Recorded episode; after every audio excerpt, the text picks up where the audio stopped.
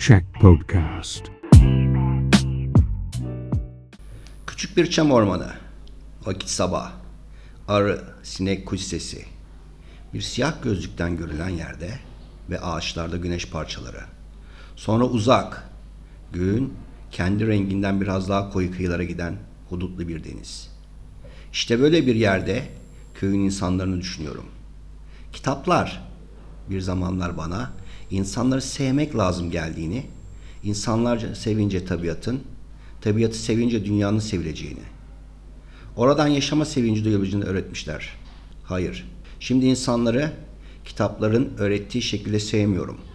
Şiirler, romanlar, hikayeler, masallar bana bu ilmi nasıl tahsil ettirmişlerdir? Beynin vapurdan iner inmez çantasını kapan uşaktan iğrenmemeyi, sabahleyin altı buçukta tabiatla kavga için sokağa fırlayan adamın çalışmadığını kendi kendime öğrendim. Ama şu, sabahleyin altı buçukta tabiatla kavga için sokağa fırlayan adam, isterse akşama kadar insanları aldatmak için didinsin.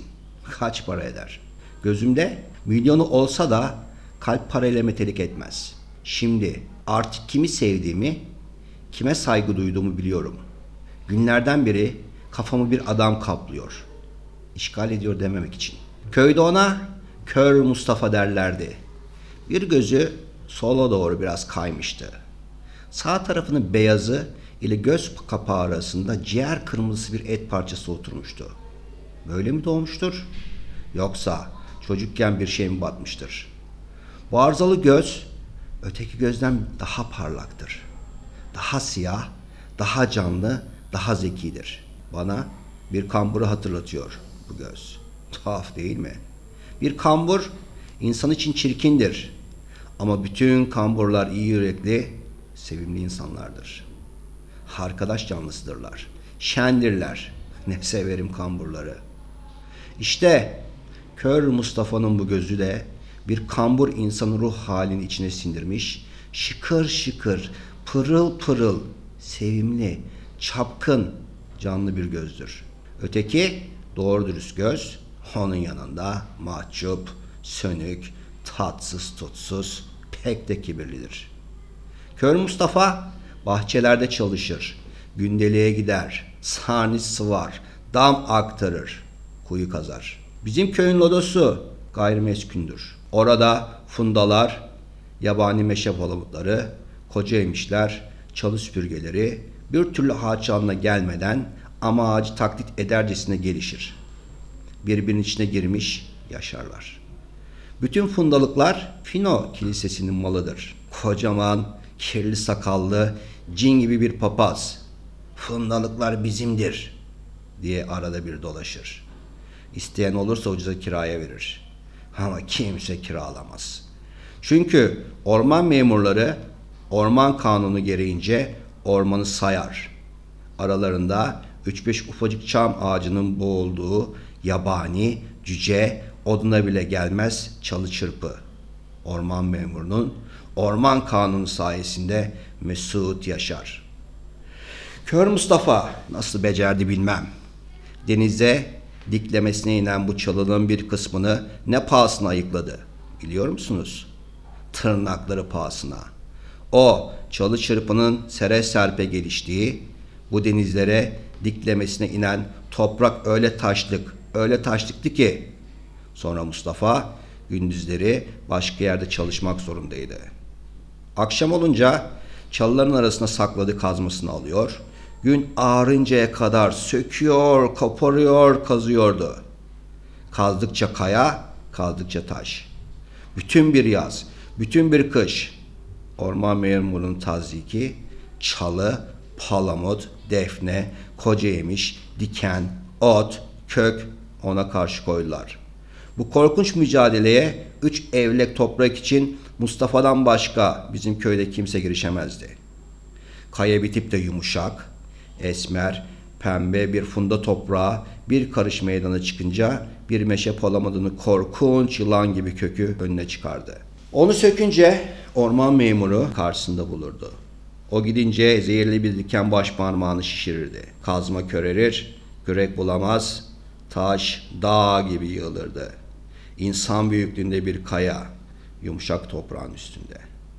Altında bir insan büyüklüğünde cüssesi hiç belli etmeden yosunlu yüzeyle dikilir. Ormanları, tırnakları, ayakları, göğsü, sırtı bütün kuvvetiyle dayanır, onu yener, yıkardı. Kazma iş görmediği zaman yumruğunu, yumruğu yetmediği zaman parmakları, parmakları kalın geldiği zaman tırnaklarıyla toprağa tırmalardı. Bir sonbahar günü baktı ki küçük çam ağacı filizi körpe diken yapraklarıyla 3-5 koca yemiş cıngıl cıngıl yemişleriyle yer yer esmer pembe kül rengi toprağı sahaya salar. Bizi görenler bakarsan bağ, bakmazsan dağ olur dedik. Bilmedik ki dişle, tırnakla, kanla, canla tabiat denilen canavarı yemek lazımdır. Bendeniz bu mücadeleye şahidim. Mustafa'nın kör gözü, hiddetten ala bulandığı günleri hatırlıyorum. Hay aslan Mustafa der. Uzaktan bir çam gölgesinin korkunç kavgasını seyrederdim. Bu kavga Romalı esirlerin aslanla dövüşmesinden şu itibarla farklıydı ki Romalı esir aslana bir çeyrek saat içinde yeniliyordu. Mustafa ejderhayı bir sene içinde bazen ümitsizlikten bazen ümitten yeniyordu. Bir sabah her zamanki çamın altına vardım ki köyün kadın, üç yarı çıplak çocuk, garip bir takım taşlar, tahtalar, saçlarla bir şeyler yaparlar. Bu her tarafından poyraz, lodos, gün doğusu, keşişleme, yıldız, kariyer rüzgarları giren bir evdi. Mustafa arkasında yeşiller giymiş güçlü kuvvetli bir kadın takmış. Üç evleğine çizgiler ocaklar açıyordu. Aslan Mustafa dedim. Su buldun mu? Su.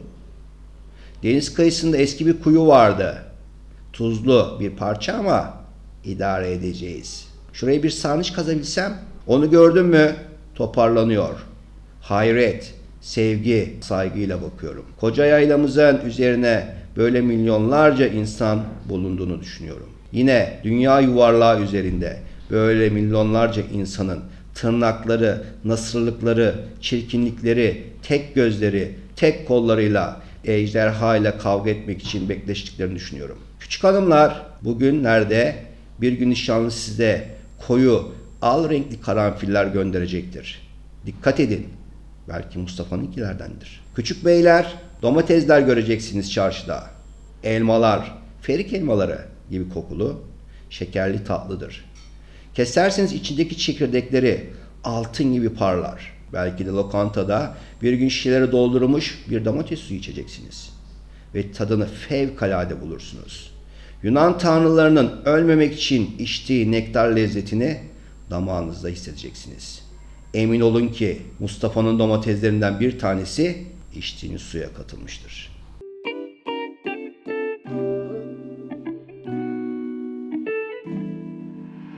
Check Podcast.